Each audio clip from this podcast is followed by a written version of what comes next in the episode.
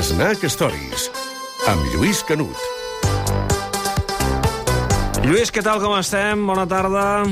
Bona tarda, David. Escolta'm, no va ser Valdano o Arrigo Sacchi, no, no està del tot clar allò, aquell que va dir allò de que el futbol és la cosa menys important de les coses importants. Doncs no ho devia, no ho devia dir pensant en el Futbol Club Barcelona, no? perquè, perquè en plena crisi del coronavirus que s'hagi esclatat aquesta crisi al Barça ve demostrar que el Barça menja part en tot el que és les històries del, del, del futbol. Però escolta'm una cosa, Canut, tu creus realment que mm, la gent al carrer mm, aquesta crisi, que és molt llaminera, eh, ho sé des del punt de vista dels mitjans de comunicació, l'ha estat seguint molt atentament?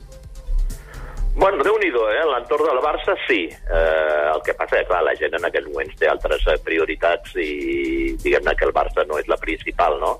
Però, però dins del que és l'entorn blaugrana i el que és el barcelonisme, òbviament, doncs, eh, l'ha viscut perquè l'ha sobtat, no?, aquesta crisi que, que, en definitiva, no deixa de ser una crisi que va iniciar el propi, com ara ha explicat molt el Murri, el propi Bartomeu, que es va llançar un tret al peu quan va anunciar aquella remodelació, o va decidir aquesta remodelació de la seva junta relegant els quatre vicepresidents sisme dins de la seva pròpia eh, junta directiva, a la qual després s'hi han anat sumant altres directius, com ha estat el cas de Carl Família o de la, de la Maria Teixidor, no? Eh, tu entens, per cert, Lluís, eh, abans d'entrar en la història vintage, tu entens eh, eh, aquestes acusacions eh, o aquests indicis que té l'Emili Rousseau que hagi sortit públicament i hagi fet aquesta torner pels mitjans de comunicació estripant d'aquesta manera? Tu, tu entens el, el, per què ho ha fet? Mm, jo crec que Emili Rousseau diria que s'ha equivocat i ell mateix, a partir del primer minut d'haver-les fet, eh, reconeix la seva equivocació i el seu error de treure, d'escampar la porqueria, perquè, a més a més, ell no té en aquests moments eh, un, un coneixement exacte i precís de que aquesta acusació pugui ser certa, no té els noms, no té les proves com per poder-ho demostrar, i aleshores ha fet un, un, un mal favor a l'entitat, i prova això és que els seus propis companys de vaixell se li han desmarcat, ja, com ha estat en els seus comunicats Calça Emilia, i mm. també les darreres declaracions de la Maria Teixidor. Però deixa'm dir una cosa. Per mi, en el rerefons de tota aquesta història, no està en el Barça Gate, que sí que ha jugat un paper important. Per mi, el rerefons, crec que el detonant d'aquesta crisi va ser la famosa lupa de Leo Messi, que, que, que va dir l'argentí que havien posat els directius dels jugadors amb les seves filtracions als mitjans de comunicació. Aquí és quan verdaderament, i de fet, eh, ho hem escoltat en aquesta declaració de, de Rosó a l'entrevista que li feia en, en, el, en el programa de Catalunya Ràdio del Tot Costa, on, on diu, em truca Bartomeu i em diu que jo he estat un dels que he filtrat informacions en contra dels jugadors en tota la negociació de la rebaixa dels seus salaris per la crisi del coronavirus. Aquí és on verdaderament per mi rau la clau d'aquesta crisi perquè és allò d'intentar satisfer a Leo Messi molt enfadat, molt empipat, molt emprenyat en tota la porqueria o totes les filtracions que arribaven des de la Junta Directiva en contra dels futbolistes. Bé, en fi, escolta, um, tu sempre cada setmana ens mires a la història del Barça i sovint intentes vincular-ho al, al, al, al present. Avui ho tens fàcil, perquè vols saltar a l'any 2008, um, juliol del 2008, uh, en el que pleguen vuit directius, a més a més, alguns d'ells de, de molt pes, uh, d'aquella junta que dirigia Joan Laporta. Bé, abans et diria que fins i tot en, en, en l'últim mandat de Núñez, en l'última etapa de Núñez, també li van dimitir uns quants eh, directius que no estaven gaire d'acord, sobretot amb la relació entre Núñez i el, i, el, i el govern de la Generalitat i la Generalitat. I després no cal ni recordar la llau de, de, de, de goteig de dimissions que va patir al llarg dels pocs més de dos anys i mig que va estar a la presidència del club Joan Gaspar de fet, en la primera temporada ja d'una atacada d'aquella famosa junta, tu te'n recordes de la junta aquella de 101 dàlmates? Sí, eh? sí. A l'amic la, Joan li van caure 10 directius d'aquella junta, eh? en la primera temporada, i després encara li van continuar caient. Però és veritat que el cas que té guarda una semblança, una similitud més, eh, més eh, el que està passant ara en aquests moments és aquella, aquella dimissió en bloc del que tu recordaves del juliol del 2010, del 2010 tot just després d'una moció de censura que van plantejar o que van presentar dos socis del Barça, l'Oriol Giral i el Cristian Castellví, contra Joan Laporta i la seva junta directiva, que va tenir un resultat inesperadament sorprenent, perquè la moció de censura va, va guanyar en quant a nombre de vots, perquè van ser 23.870 vots en contra de la gestió de Joan Laporta i de la seva directiva, és a dir, un 60,6% contra 14.871 que estaven a favor de la gestió de, de la directiva.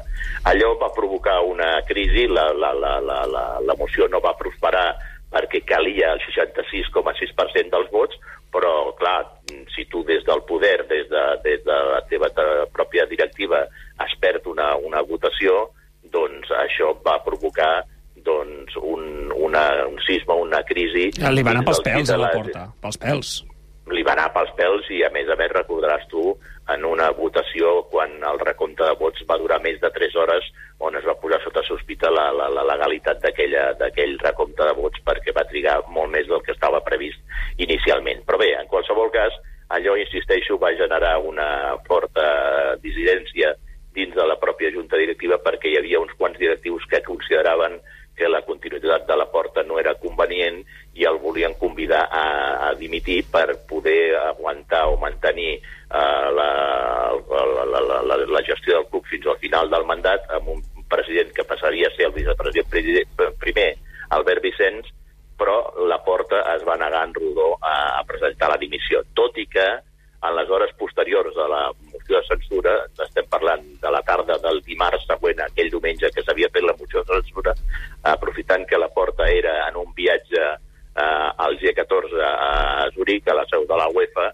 es va difondre la notícia a través de la web del diari Esport de que la Porta havia decidit, havia finalment acceptat presentar la dimissió, tot el contrari de la seva intenció, perquè tot just quan va arribar a Barcelona va convocar una reunió d'urgència de la Junta Directiva, una reunió que no es va fer eh, als locals de les instal·lacions del club, sinó que es va fer en un pis que tenia el vicepresident eh, Joan Boix al Passeig de Gràcia a Barcelona i es va fer amb autèntica nocturnitat perquè la, la reunió aquella es va convocar cap a les 12 de la nit, va durar fins ben d'entrada a la matinada i d'allà pràcticament va sortir la decisió la porta de, de continuar d'aferrar-se al càrrec, de, de, de, de, de no accedir a la dimissió que li proposaven aquest grup de vuit directius i finalment el mateix Albert Vicenç reconeixia que amb aquella reunió s'havia doncs, decidit la dimissió en bloc de vuit directius. Us hem d'anunciar que els meus companys aquí presents, Marc Ingla, Ferran Soriano, Xavier Cambra, Antoni Rovira, Clàudia Vives Fierro, Averís Morta i Josep Lluís Vilaseca i jo hem renunciat als nostres càrrecs a la Junta Directiva del Futbol Club Barcelona. Els motius que ens han portat a prendre aquesta decisió rauen amb la discrepància sobre la manera d'actuar a partir del resultat de la votació de la moció de censura de diumenge. Per a nosaltres, el resultat de diumenge expressava un descontent majoritari a aquesta junta directiva.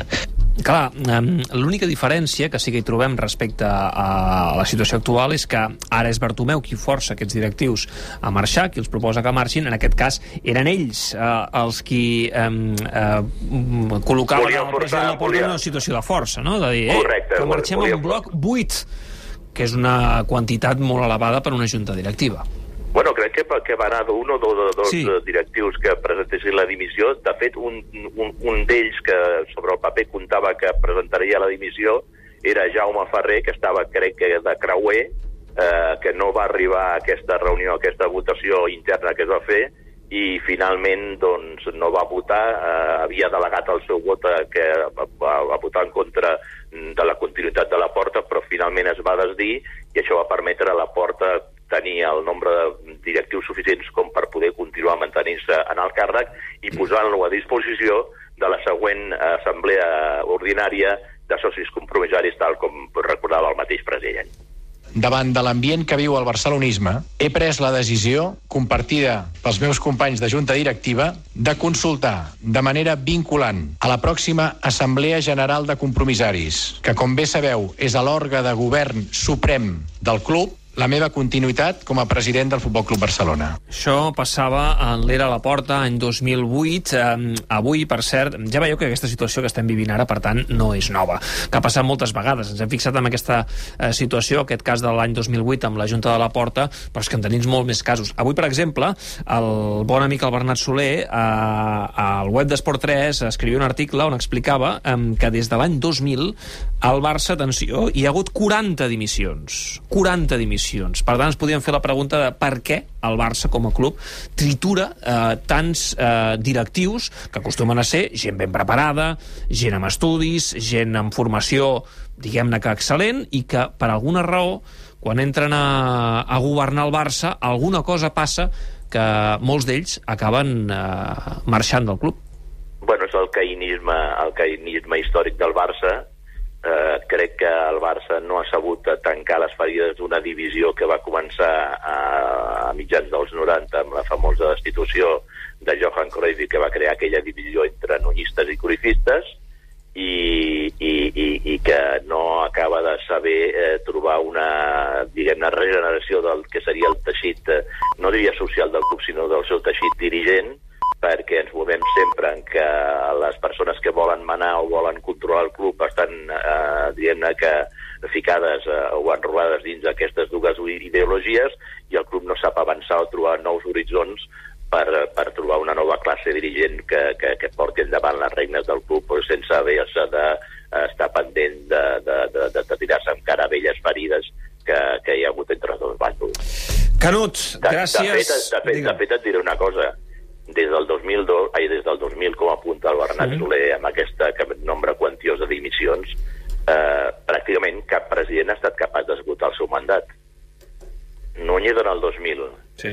La, la Porta eh, va completar el, el, el segon mandat, però no pas el primer, que recordaràs va, va haver d'escapçar-lo perquè eh, no, no, havia, no havia complet, eh, crec que, eh, els requisits del, del primer mandat eh, perquè se, se li comptava el famós primer any com, com els primers mesos del, del, del seu mandat com un any del mandat i per tant el va haver d'escurçar.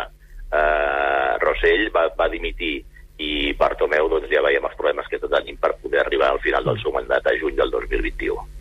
En fi, eh, hem estat distrets aquesta setmana amb tot el que ha passat a la Junta Directiva. Entenc que la setmana que ve serà molt més tranquil·la. Eh, per cert, Canut, entenc que trobes a faltar, com tots, la Champions, el futbol. Eh, saps que la Champions eh, aquest any, si es juga la final, si s'acaba jugant, es jugarà a Istanbul. Eh? Um, és com està previst. Doncs para bé les orelles perquè de seguida arriba el Marc Maiola, bon amic teu, i ens portarà històries del futbol a Istanbul per fer una mica de boca amb aquesta final de la Champions que esperem s'acabi jo soc, de, jo soc del Besiktas. del Besiktas?